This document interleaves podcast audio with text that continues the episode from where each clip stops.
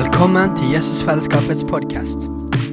Vi håper budskapet i dag vil velsigne deg i din vandring med Gud.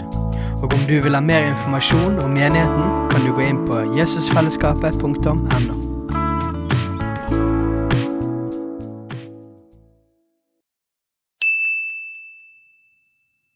Hei! Visste du at Jesusfellesskapet starter en ny bibelskole til høsten? Den heter Jesusskolen og starter den 3. september. Gå inn på jesusskolen.no for mer informasjon.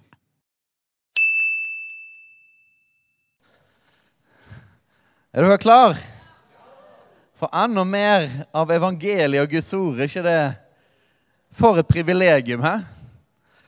Jeg har veldig tro på, på noe som står i, i begynnelsen av Kolosserbrevet. Og det er det at eh, evangeliet, det bærer frukt. Er ikke det, veldig, er ikke det kjekt? Så det er liksom ikke bare sånn at det er, vi, det er de tingene vi holder på med, eller det vi gjør, eller det vi gjør i menigheten bærer frukt, eller at vi skal bære frukt, men evangeliet i seg sjøl bærer frukt. Det har jeg tro på. Så når vi forkynner Guds ord og forkynner evangeliet, så jobber Den hellige ånd, og Guds ord jobber i oss, og så, og så skaper det det det sier. Er ikke det herlig? Så nå når du skal få høre forkynnelse igjen, så er det ikke bare enda mer informasjon du skal få, men det er Den hellige ånd som jobber med oss, med meg òg når jeg står her, jobber med oss ved Guds ord og skaper det det sier. Så jeg har, mer, jeg har lyst på mer av det Jesus har gjort. Så vi skal fortsette på noe vi skal bruke en del uker på å forkynne om, nemlig den seirende Kristus. Det er jo en side av evangeliet som vi ikke har fokusert like mye på de siste årene. Men jeg opplevde at Den hellige ånd eh, sa at vi skulle løfte det ekstra opp. Fordi at dette året, det er det ordet jeg har fått for, eh, for menigheten, det er at dette er et år for seier og for gjennombrudd og frihet og favør og åpne dører og helbredelse og gjenopprettelse og velsignelse og løfter oppfylt og bønner besvart. Er det noe som er det noen som vil ha mer av det, eller? Så Derfor forkynner vi evangeliet, så evangeliet kan skape dette. Så derfor eh, Derfor går vi til, eh, går til Kolossene igjen, så tar jeg, tenker jeg å ta det verset i dag òg. Eh, for det er så fint. Så Kolosserbrevet kapittel 2, vers 13 15. Der står det så fantastisk om Jesus seier.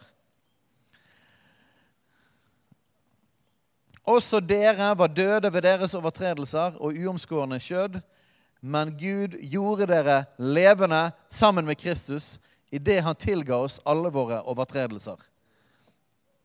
Legger dere merke til det? At det er han som gjorde oss levende? Så det er han som handler. Vår, vår jobb er å ydmyke oss og komme til han og si at 'jeg trenger deg'. Og så gjør han oss levende sammen med Kristus idet han tilga oss alle våre overtredelser. Så hvordan blir vi forvandlet? Gjennom at vi tar imot hans enorme nåde og hans tilgivelse. Da blir vi levende. Er det noen som har opplevd det? Ja. Det er ikke vårt eget strev som forandrer oss, men det er det Jesus har gjort når vi tar imot det. Og så står det videre Han utslettet skyldbrevet mot oss, det som var skrevet med bud, det som gikk oss imot, det tok han bort da han naglet det til korset. Han avvæpnet maktene og myndighetene og stilte dem åpenlyst til skue da han viste seg som seierherre over dem på korset. Og Jeg skal ikke gjenta eh, forrige ukes tale, men, men gjennom Jesu død Her står det om Jesu død på korset, og så står det andre vers om hans seier gjennom oppstandelsen. Så gjennom Jesu død og oppstandelse så seiret han over synden, over djevelen, over døden. Er ikke det herlig? Og det får konsekvenser for oss, og det skal vi snakke litt mer om i dag. Så la oss hoppe over til eh, Efeserbrevet. Så skal vi være litt i Efeserbrevet i dag. Efeserbrevet, kapittel 1.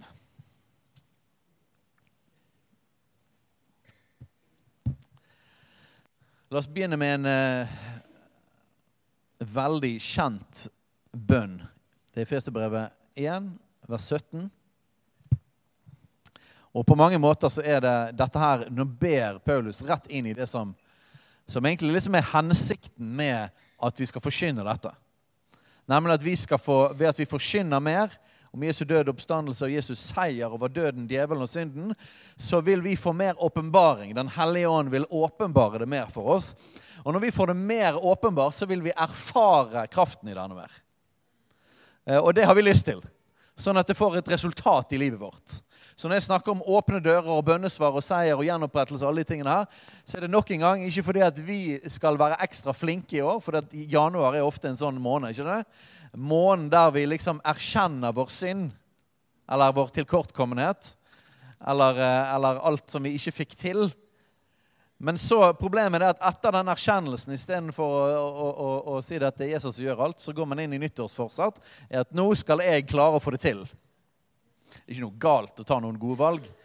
Men, men, det er veldig viktig at i kristenlivet når vi snakker om seier og gjennombrudd og velsignelse og gjenopprettelse og helbredelse og frihet, og alle disse tingene, så er det ikke altså fordi vi tar oss sammen, men det er fordi at vi får mer åpenbaring på det Jesus allerede har gjort.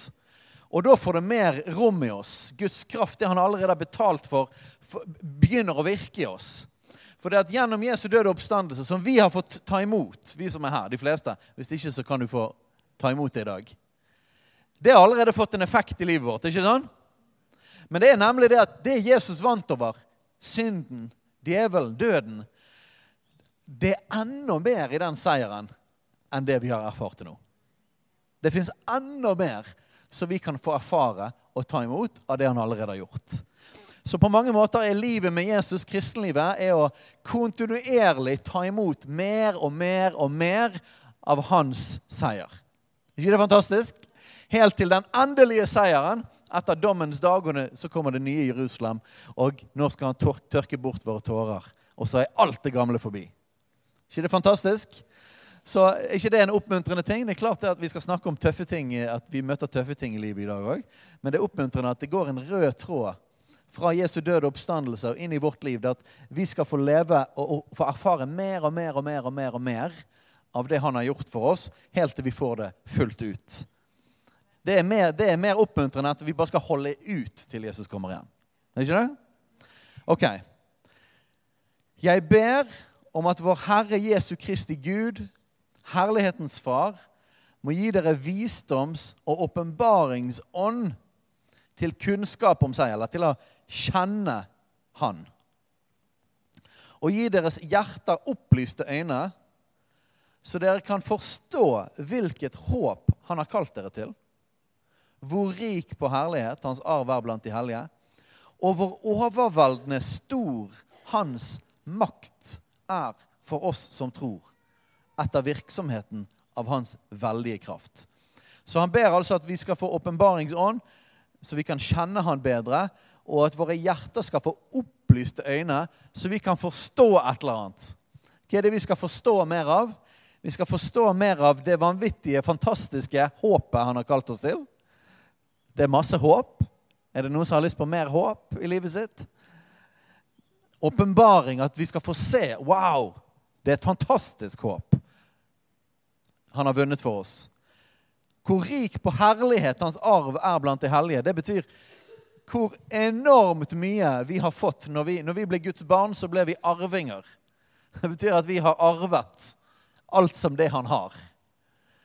Tidligere her i, i Efeserbrevet så står det han har velsignet oss med all åndelig velsignelse i himmelen. Så det betyr at alt det far har, det er vi arvinger til. Og akkurat når jeg sier den setningen, så er det sånn at ja, vi, ok, det vet vi, det er sant.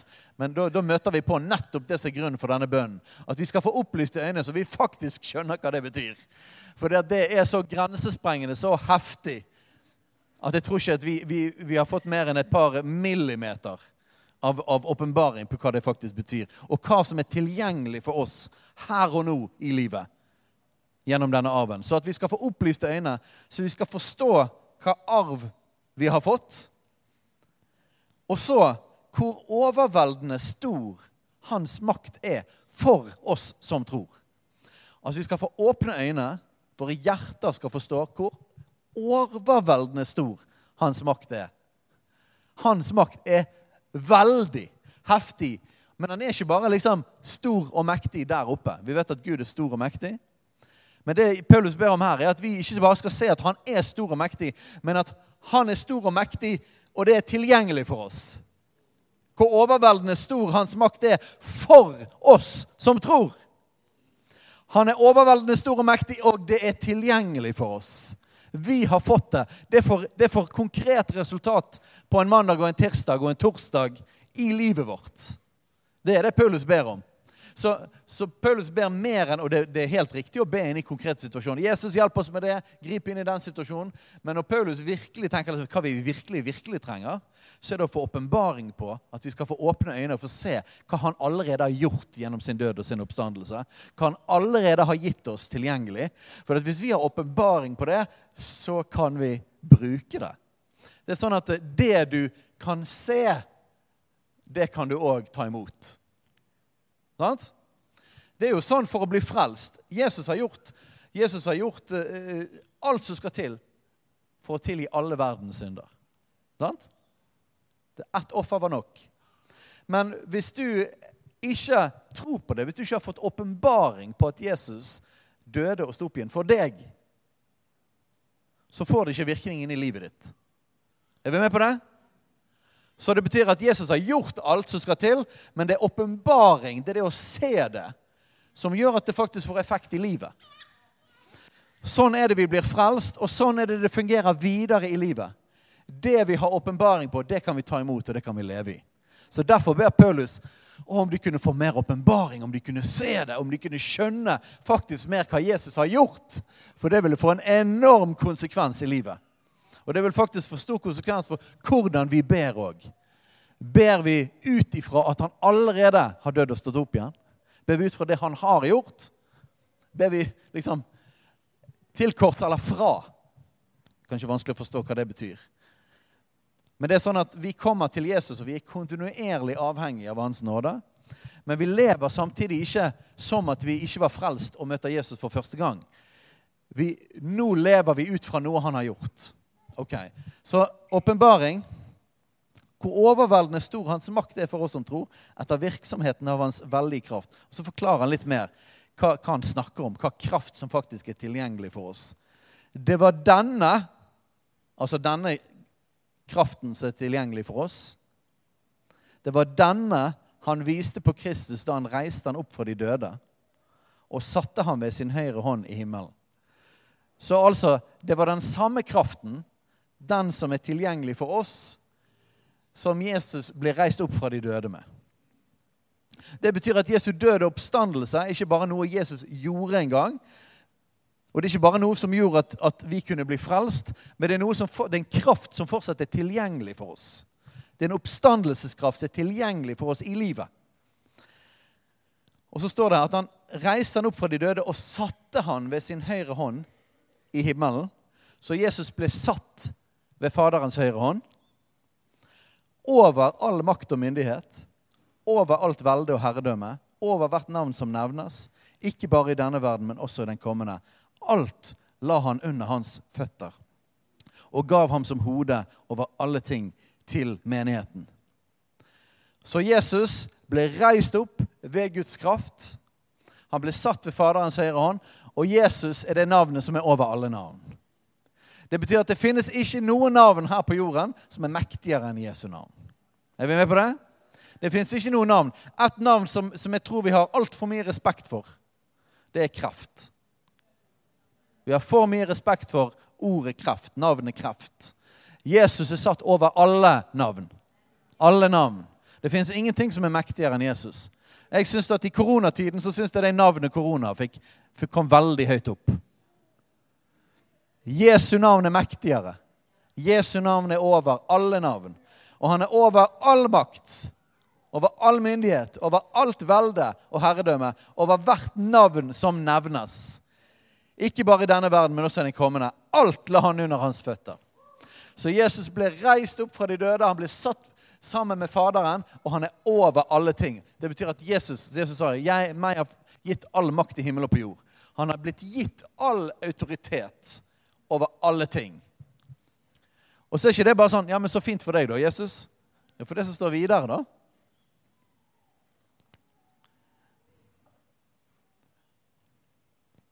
Vi kommer til det. Jeg skal bare lese gjennom noen andre vers. Det er fint å lese gjennom alt. Han gav ham som hode over alle ting til menigheten, som er hans legeme, fylt av han som fyller alt i alle. Også dere har han gjort levende. Halleluja. Så ser du at her begynner han å transition. Så dette skjedde med Jesus, og så får det en konsekvens for livet vårt.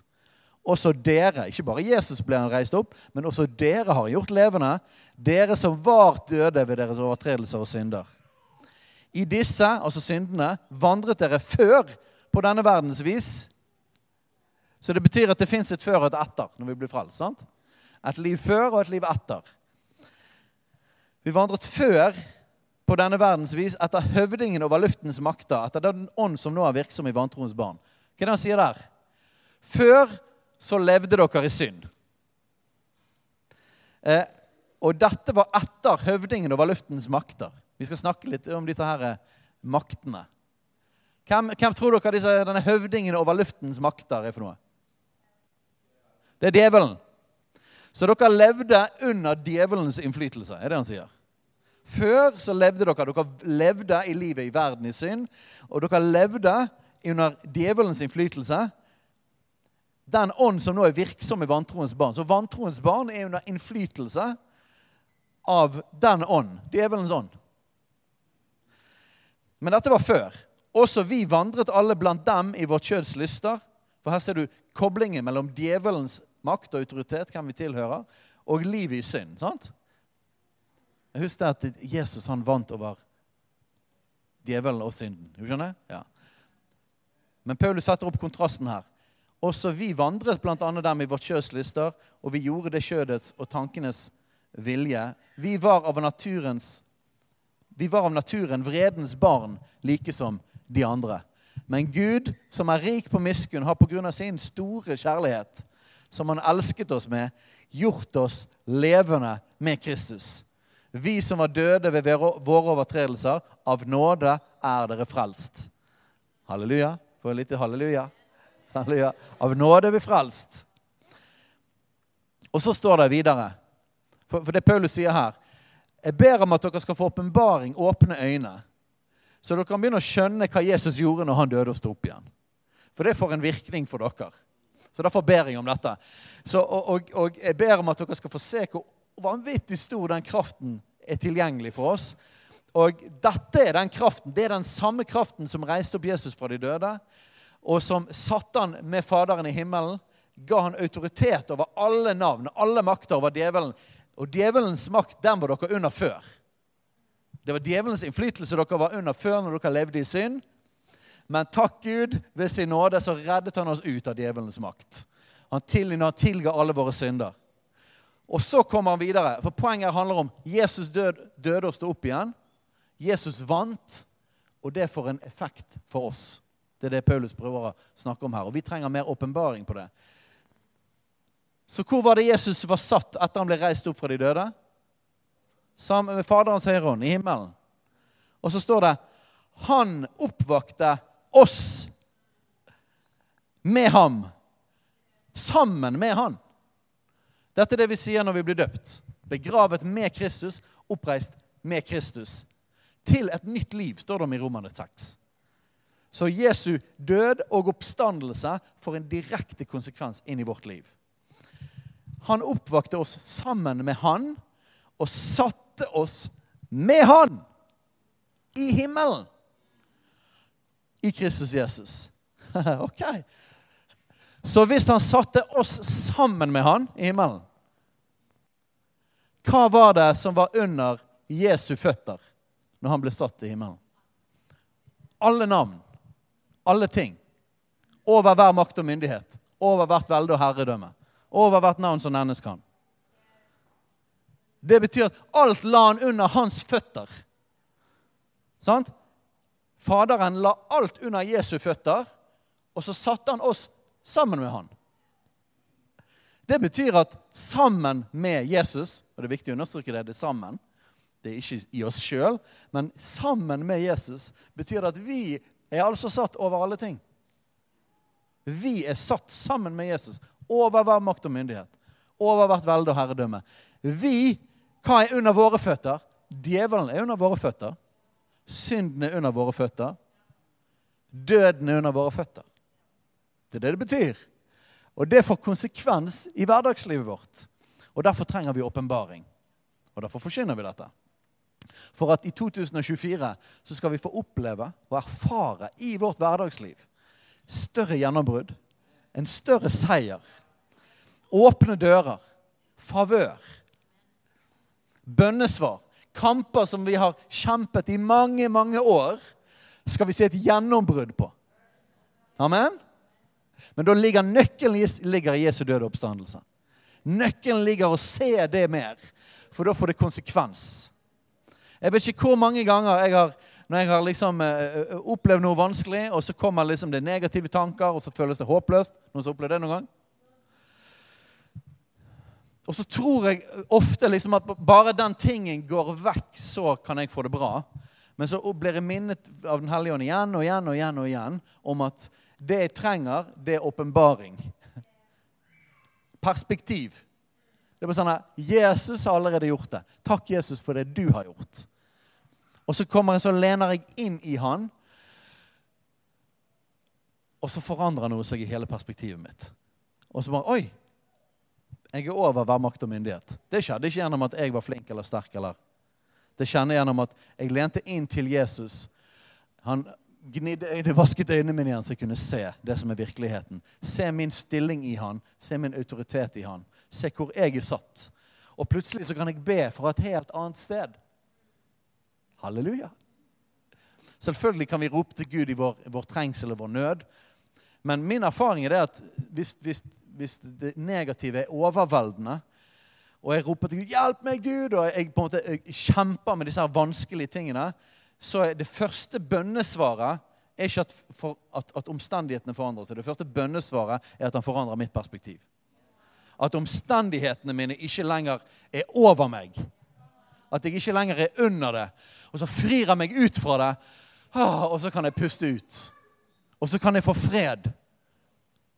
Har du opplevd det? Og plutselig så kan du be fra et helt annet sted.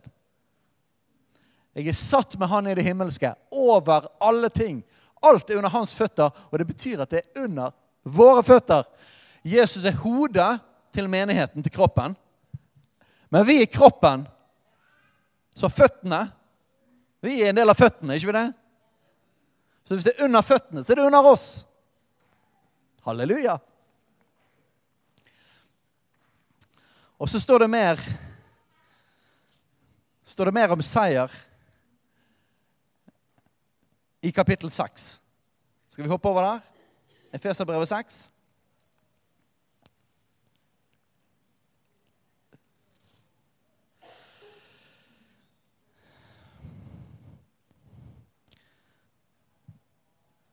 Vers 10 i Efeserne 6. For øvrig, bli sterke i Herren og Hans veldige kraft. Det er der nøkkelen ligger, folkens. Bli sterke i Herren og Hans veldige kraft. Så kristenlivet handler altså om, og seier handler altså om, ikke å bli sterk sjøl, bli flink sjøl. Nei, bli sterk i Herren. I Herren. I Herren. Hvordan kan vi bli sterke i Herren? Jo, han er tilgjengelig. Alt han har gjort, er tilgjengelig for oss. Så det betyr at vi kan lene inn til han, og da får vi styrke fra han. Det er sånn vi blir sterke i Herren i hans veldige kraft. Hvem var kraften sin? Det var hans. Hans veldige kraft. Bli sterke i Herren og hans veldige kraft. Ta på dere Guds fulle rustning, så dere kan holde stand mot djevelens listige angrep. Okay, hva betyr det? Det betyr at det fins en djevel, og han angriper. Og han angriper òg listig. Men det oppmuntrende er det at så dere kan holde stand. Hva betyr det? Det betyr at vi kan holde stand. Er ikke det oppmuntrende? Vi er faktisk gitt noe i Jesus, nemlig å bli sterk i Herren og Hans veldige kraft, som gjør at vi kan holde stand. Vi kan holde stand mot djevelens listige angrep. For vi har ikke en kamp mot kjøtt og blod, men mot maktene, mot myndighetene, mot verdens herskere i dette mørket, mot ondskapens ånde her i himmelrommet. Igjen så sier Paulus det fins en åndeverden Det finnes en djevel, og det finnes makter og myndigheter. Demoner. Og djevelen han går rundt omkring som en brølende løve. Han prøver å finne noen å sluke. Sånn er det djevelen holder på. Og djevelen har sine demoner, og de prøver å angripe oss. Jeg tror at siden løsningen til Paulus Og nok en gang, vi kan be for spesifikke situasjoner, og det skal vi gjøre. Men, men det, når liksom Paulus skal velge ut hva er det viktigste å be om, så ber han om åpenbaring. For hvis vi har åpenbaring, og vi kommer, lener oss inn i han, så har vi et annet perspektiv. Da er det sånn at djevelens listige angrep eller de vanskelige tingene og de tøffe omstendighetene som kommer enten fra demoniske makter sjøl, eller det er bare konsekvenser av synden og døden i verden. Da blir de tingene som er omstendighetene våre Vi er satt her i verden, og de tingene vil være rundt oss. Utfordringen handler om i hvor stor grad tar det oss. I hvor stor grad ligger vi under for det? I hvor stor grad blir vi satt ut av spill pga. de tingene der? Sant? Så når Paulus velger å be, så ber han om åpenbaring, og at, åpne, at våre hjertes øyne skal være åpne, sånn at vi kan være i vår identitet, være i det han har gjort, det Jesus har gjort. For det er det beste forsvar mot det som vil skje rundt. Amen? Så bli sterk i Herren og Hans veldige kraft. Ja, djevelen fins. De, demonene prøver å plage oss med forskjellige ting, men jeg tror mer enn noe annet så prøver fienden å ta sinnet vårt. Akkurat som Paulus ber om åpenbaring, for det er det beste forsvar, så prøver fienden å ta tankene våre, sinnet vårt og følelseslivet vårt. For det at vi kan sitte med hele himmelen tilgjengelig for oss, men fordi at vi ikke ser det, fordi at vi blir tatt i tankelivet vårt og i følelsene i livet vårt, så kan vi sitte med medisinen rett ved siden av oss, men rett og slett ikke erfare det Jesus har gjort. Så åpenbaring tar oss til erfaring.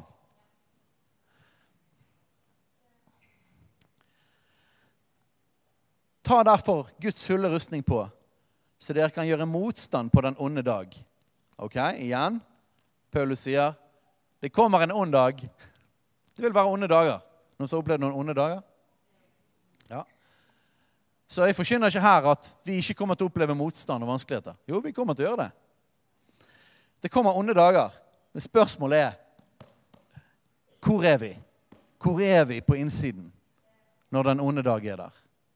Og om vi blir slått ut, hvordan, hvordan komme tilbake igjen? Inn til Jesus. Nær inn til Jesus. Hvordan kan vi bli sterke i Herren og Hans veldige kraft? For da kan vi gjøre motstand. Ta derfor Guds fulle rustning på, så dere kan gjøre motstand på den onde dag. Vi kan gjøre motstand på den onde dag og bli stående etter å ha overvunnet alt. ikke det et fantastisk løfte? Så dette er et løfte om at det kommer onde dager. Halleluja. Og så er det òg et løfte om at vi kan bli stående. Vi kan bli stående etter å ha overvunnet alt. Det betyr ikke at vi ikke får noen skrammer. Noen som har fått noen skrammer i livet? Fra noen kamper? Noen ganger så går vi til og med med noen arr. Men Jesus han helbreder og gjenoppretter. Han gjør det. Når vi har fått oss en trøkk i trynet, men vi blir stående, og så tar han oss og jobber han med oss igjen. Helbreder han oss, setter han oss i stand igjen, sånn at vi kan bli stående videre. Vi kan overvinne alt i Jesus. Men det er kun i Jesus. Hvorfor kan vi bli stående etter å ha overvunnet alt? Jo, fordi at Jesus Kristus seiret når han døde på korset og sto opp igjen. Han overvant alt. Derfor kan vi i han og sammen med han overvinne alt.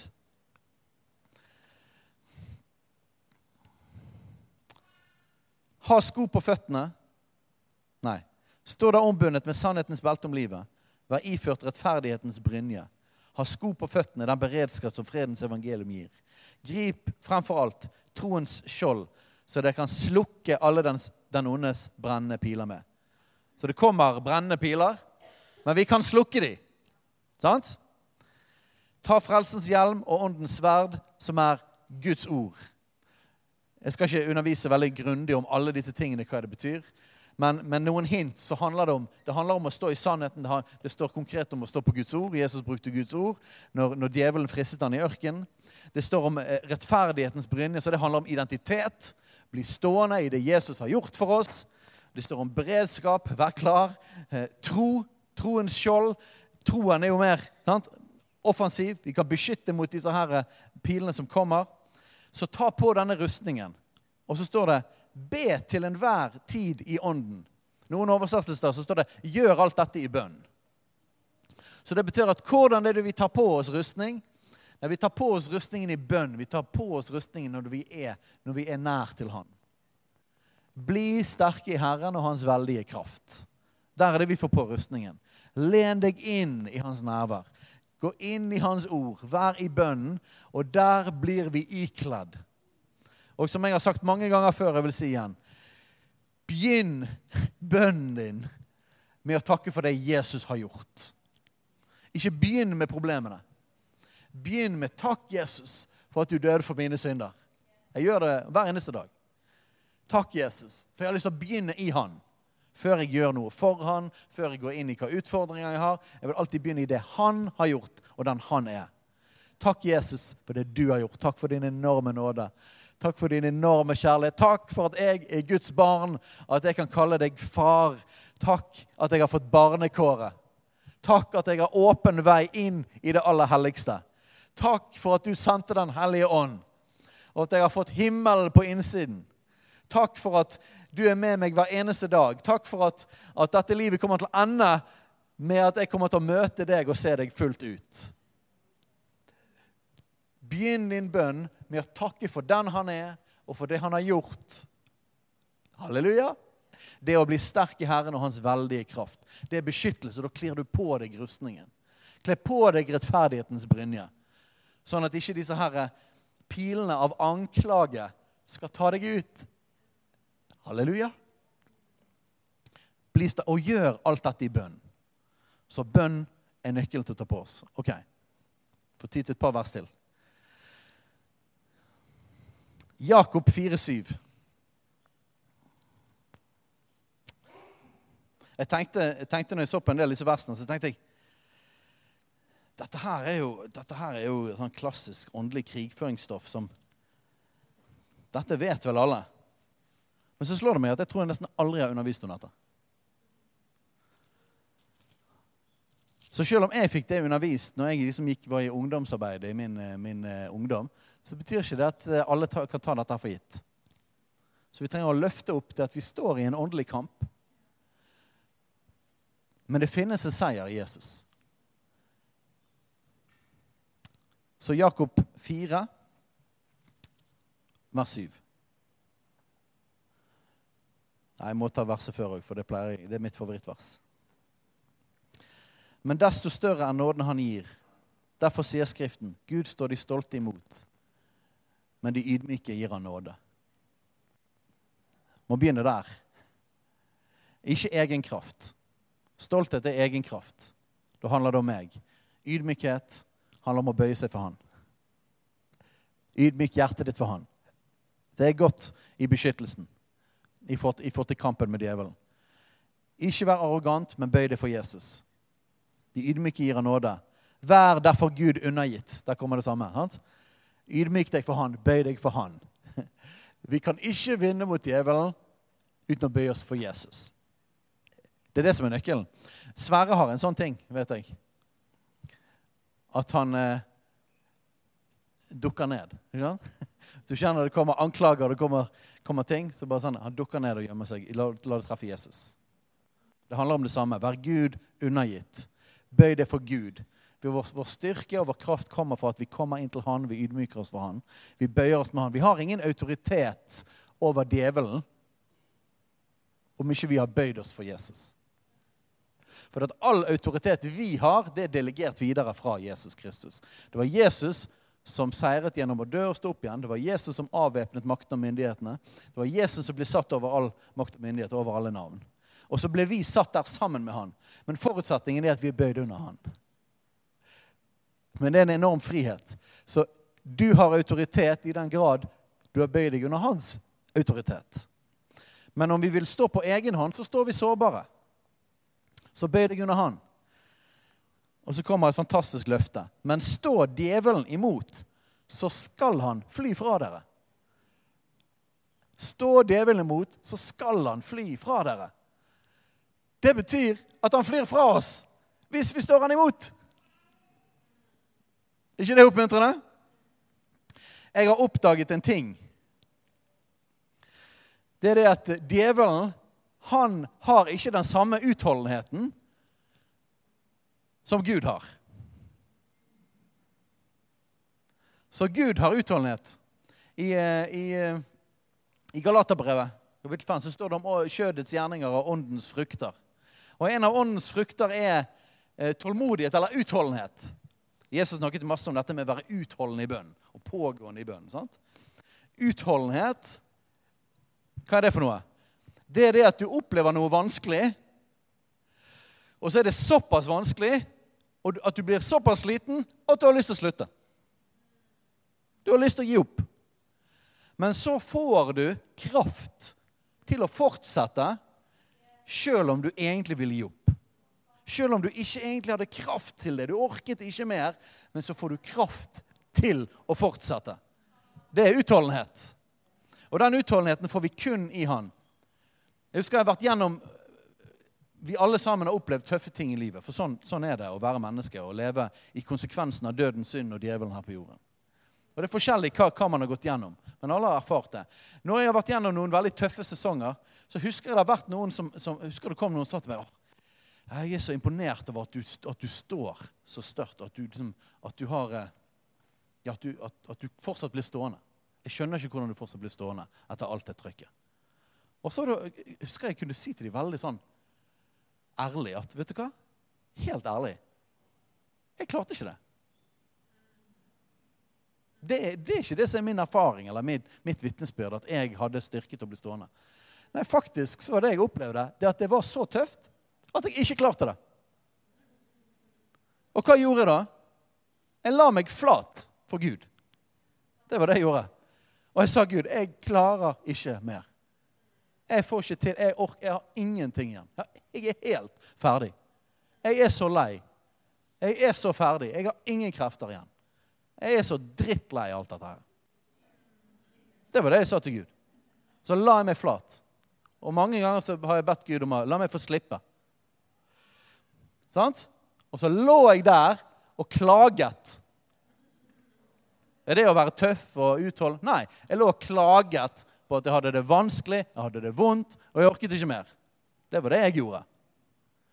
Og så fikk jeg oppleve, og jeg har fått oppleve igjen og igjen og igjen og igjen, og igjen, at midt inni at jeg kom til han og la på han alt sammen, kastet av meg alt sammen, så kom han med sin nåde. Så kom han med sin kraft. Så kom han og gav det jeg ikke hadde så kom han og forandret perspektivet mitt. Og så kom han og tok håpløsheten min og snudde den til håp. Så kom han i kraftløsheten, og så ga han meg ny kraft. Den som ingen krefter har, gir han stor styrke. Hva er kvalifikasjonen for å få stor styrke? Å ha ingen krefter. Det handler ikke om å være flink eller tøff. Nei, det handler om å ha fått drikke av kilden. Det handler om å ha lært å komme dit. Min utdanning til dette det var ikke at jeg var flink eller et eller annet. Min utdanning til dette her var det at mamma og pappa ble skilt når jeg gikk på videregående. Og jeg syntes det var helt forferdelig vanskelig. Og så begynte jeg å klage til Gud. og så begynte jeg å lese salmene. Ikke fordi jeg skulle være en flink kristen, men fordi jeg hadde det fælt. Det er ikke veldig imponerende det, å ha det fælt. Jeg hadde det vondt, jeg hadde det fælt, så jeg ropte om hjelp. Men så fikk jeg oppleve at han kom og hjalp.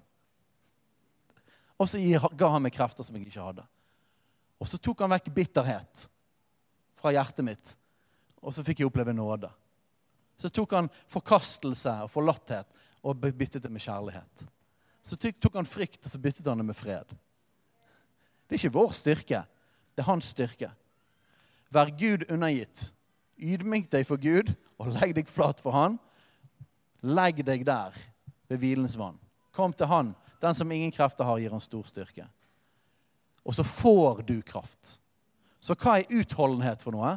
Utholdenhet er å gå tom for krefter og så få nye krefter fra Han. Men det går an å holde på i evighet hvis du gjør det. er ikke det kult? Så fienden han kan komme igjen og igjen og bare 'Å nei, enda en vanskelig ting'. Er noen som opplevd det noen gang? Bare sånn, åh, Akkurat liksom så vidt kommet gjennom det, eller jeg har ikke kommet gjennom det i hele tatt, så kommer det enda en vanskelig ting. Og så bare kjenner du at luften blir slått ut av deg. Du kjenner at motløsheten kommer. Du kjenner håpløsheten, og, og der er fienden. Og så sier han det er håpløst. Det er bare å gi opp. Det kommer til å gå galt. Sant? Så prøver han å så inn bitterhet. Men utholdenhet er da å ydmyke deg for Herren og legge deg flat for Han. Legg deg ved hvilens vann. Kast din bekymring på Herren. Og Så kommer Han og gir deg ny kraft. Det er utholdenhet, for da kan du holde på i all evighet. Hvis du gjør det for hver gang du får et slag, så kan du reise deg igjen hver gang du blir slått. Hvordan kan du bli stående etter å ha overvunnet alt? Nei, det er gjennom hans veldige kraft. That's it. Men de gode nyhetene er at der, på den måten kan vi overvinne alt. For det er djevelen han har ikke tilgang på den utholdenheten. Han har ikke det. Vi har tilgang på den gjennom Herrens kraft. Og da kan vi bli slått ned, men ikke utslått. Er ikke det Paulus sa? Og vi kan reise oss igjen igjen og igjen og igjen og igjen. Er det noen som sett Rocky? Rocky vant gjennom utholdenhet. Det var noe veldig demotiverende for de her eh, motstanderne hans å gi, sitt, gi han sine beste slag og ikke klare å slå han ut. Det er slitsomt, det. Vet dere at motløshetens ånd den kommer fra djevelen? Men det betyr at han har den. Jesus kan, han kan helbrede, for han er helbrederen. Djevelen han gir motløshet fordi han har motløshet. Halleluja! Vær derfor Gud undergitt. Men står djevelen imot, så skal han fly fra dere. Hvis du bare blir stående, eller gjerne blir slått ned, og så er du hos han, og så får du ny kraft, men så blir, står du igjen. Hvis du blir stående, så kommer han til å gi opp. Den eneste måten fienden kan vinne i lengden Ja, han kan få noen slag inn, men den eneste måten han kan vinne i lengden, er at jeg gir opp. Det at jeg hører på løgnene og blir værende i håpløsheten, men ikke kommer til Jesus og får ny kraft. Den eneste måten han kan vinne i lengden. Jo, han kan gjøre en del fæle ting, men han kan ikke slås ut om vi blir værende i Jesus. Siste vers. Romerne 8.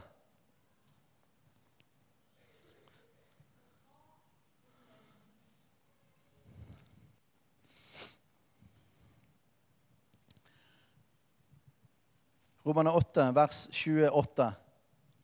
Men vi vet at alle ting samvirker til det gode for dem som elsker Gud, dem som etter Hans råd er kalt. Alle ting samvirker til det gode for den som elsker Gud. Det betyr til og med det djevelen gjør. Til og med konsekvensen av synd. Ja, til og med vår egen svakhet og våre egne fall. Om vi kommer til Jesus med det,